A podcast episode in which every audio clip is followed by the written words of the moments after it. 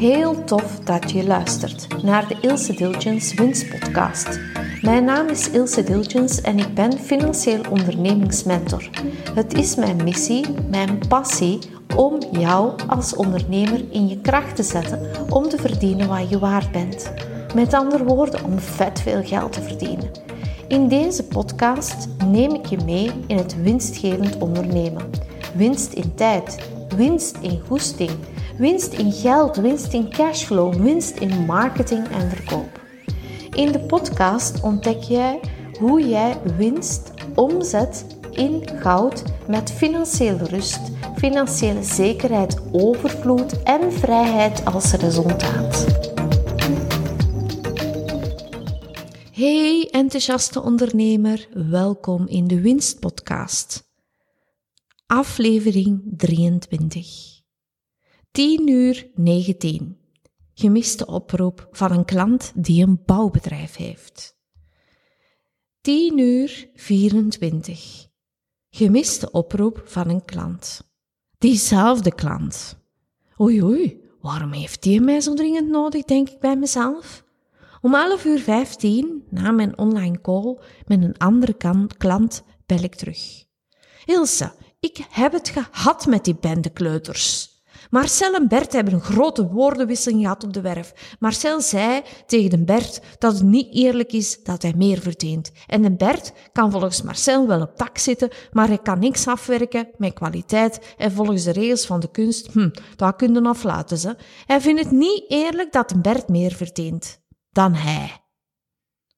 De ruzie is zo uit de hand gelopen, Ilse, dat ze niet meer in dezelfde ploeg uh, willen zitten.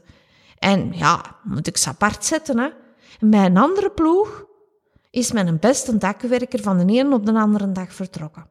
En dan bij mijn andere ploeg, de derde ploeg, protesteren ze omdat de werf er niet aanstaat. Het zijn appartementen met een heel moeilijk dak en de projectontwikkelaar geeft constant commentaar. Kan je je dat voorstellen, Ilse? Echt, ik weet het niet meer. Zo. Ik heb deze mannen allemaal opslag gegeven aan een pauwverlof om de gemoederen te bedaren na andere conflicten in juni en nu is dit spel weer aan de hand. Wat moet ik nu doen? Ik zie het echt niet meer zitten. Hè? En ik zou liever stoppen met al die miserie. En zelf terug op tak kruipen. En me gewoon 2500 euro net uitkeren. Zonder al die stress en slapeloze nachten. Ik zie het echt niet meer zitten. Ik zeg iets wat hij niet hoort. Of niet wil horen. Blijf kalm, David. Adem in, adem uit. Rustig, rustig, rustig. Dan David wordt rustiger, we pingpongen enkele mogelijke oplossingen over en weer. Preek jij of ben jij van staal? In deze podcast geef ik je vijf tips, cruciale tips, hoe dat jij je team kan motiveren. Hoe voorkom jij die brandjes op de werkvloer of werkdak? Ik herhaal terug waar David en ik al diverse keren over hebben gediscussieerd. De conflict op, de, op het werkdak zal ik het noemen, niet werkvloer, tussen de medewerkers is immers echt wel een serieuze uitdaging voor elke zaakvoerder, leider. En wat is er goed aan? Het zet u terug uh, met uw voeten op de grond en de deur komt terug op een kier om de motivatie aan te scherpen, om de dynamiek tussen het team terug naar een volgend level te brengen. Ik benadruk nog eens tegen, ten opzichte van David van kijk, Um, je werkt met verschillende karakters op een dak. En het zijn stevige, hevige karakters. Niet eens, en ja, die willen precies de sfeer van een café op dat dak, maar dat moet niet. Hè. Ik geef hem letterlijk het advies van, kijk, dat moeten geen maten zijn. Hè. Dat mag, ja, dat mag uiteraard. Maar collega's um, moeten professioneel kunnen samenwerken en zorgen dat de werf goed verloopt. Dat is hun taak. Ja, zegt ze, maar kom maar af met die tips. Hè. Daar lacht mee, maar ik ga jou in deze podcast inderdaad vijf cruciale tips vertellen hoe dat jij je team kunt motiveren. De eerste tip, open en eerlijke communicatie. Dat lijkt een hele logische, maar maak alles bespreekbaar met je team en doe niks achter de rug. Het begint immers bij jou. Stel, je gaat drie dagen met je partner naar Parijs tijdens de werkweek. Zeg dan niet dat je drie dagen opleiding gaat volgen over isolatie, maar vertel hem dat gewoon. Stel, de medewerker krijgt toestemming om naar een begrafenis te gaan. Wind daar geen doekjes rond. Zit niet dingen te verzinnen en behandel iedereen op dezelfde manier. Conflicten, dat ontstaat door gebrekkige communicatie, door dingen achter te houden. En als baas zet jij de speelfiguur en jij kunt starten met een open eerlijke communicatie en niks aan speculatie overlaten. Moedig het team aan om hun zorgen, hun klachten, hun frustraties, hun standpunten te delen. En luister actief, dus niet direct af, um, afkutten naar gesprek. Luister actief naar wat ze te zeggen hebben. Vraag open wat zij vinden, hoe dat de aanpak beter kan en laat hen voelen dat hun stem belangrijk is. Een tweede punt is compromissen. Wanneer dat er een stevig conflict aan de gang is, mag je dat absoluut niet laten aanslepen.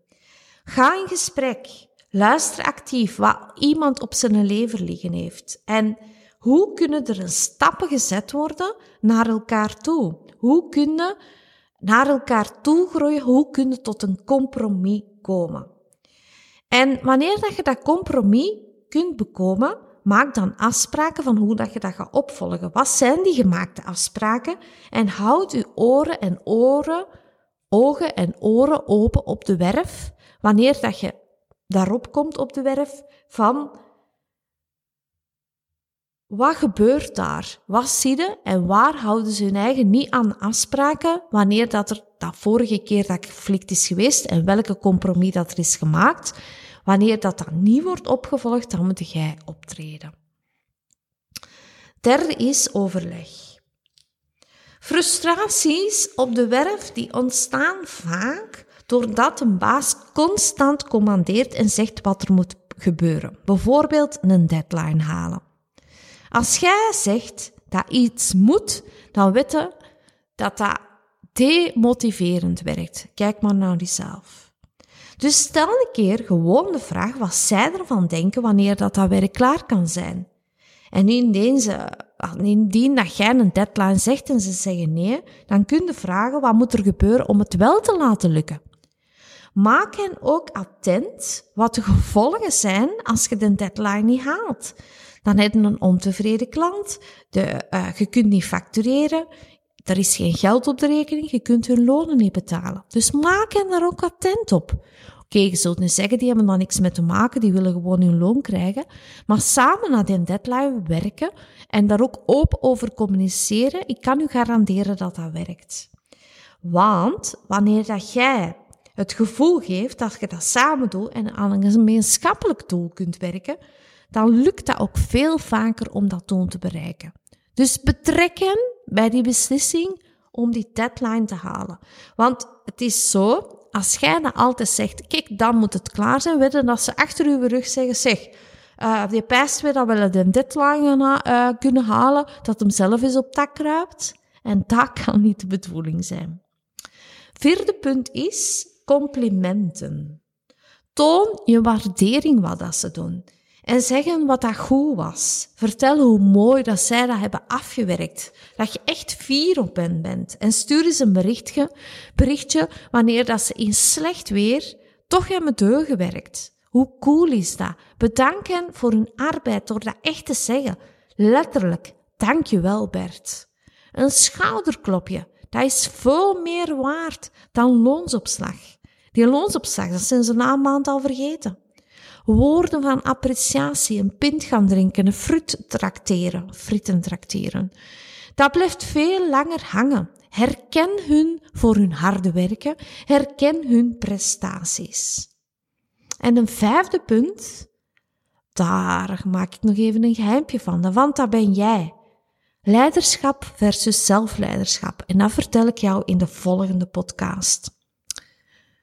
Om even terug te komen op het verhaal van David. Hij is rustiger geworden en heeft weer zin in. En hij heeft er zin in om de koe bij de horens te vatten. De volgende dag belt hij terug en vertelt hij dat hij alle ploegen um, even is gaan bezoeken op de werf. Dat hij een goed gesprek heeft gehad en hij is heel open geweest. Hij heeft verteld waarom dat hij de laatste tijd zo gespannen was en dat er heel wat financiële uitdagingen op zijn pad zijn gekomen. Waar onder andere doordat je werf niet op tijd af was, waar dat Gelle niks kunt aan doen, voegde hij eraan toe en vertelde hij tegen mij. En dat hij het inderdaad op een bepaald moment echt beu was en goesting had om iedereen te ontslaan. En dat die akkefietjes op de werf hem echt moedeloos maken. Er was ook van alles privé aan de hand, dus zijn kop zat gewoon vol. En hij was gewoon heel open. Hij vertelde alles, hij smeet alles eigenlijk in de groep. Zo, hij zei dan tegen mij van, kijk, ze hebben heel aandachtig geluisterd en ze toonden ook heel veel begrip. En hij had het gevoel dat ze met een andere ingesteldheid terug op dat dak kropen. Maar hij voegde eraan toe. Maar hoe lang gaat dat weer duren, Ilse? Maar ik moedig hem aan en zeg, blijf die vijf cruciale tips, hoe dat je voorkomt om die brandjes telkens te moeten blussen op, het, uh, op de werkvloer of op het werkdak, Blijf die in je achterhoofd houden en pas die ook actief toe. Leiderschap en zelfleiderschap, dat is een continu groeiproces. En dat gaat niet van vandaag op morgen. En je gaat er altijd beter in worden. Maar voor stapje, stapje voor stapje, met de juiste adviezen, de juiste acties, de juiste resultaatgerichte acties, kom je er wel.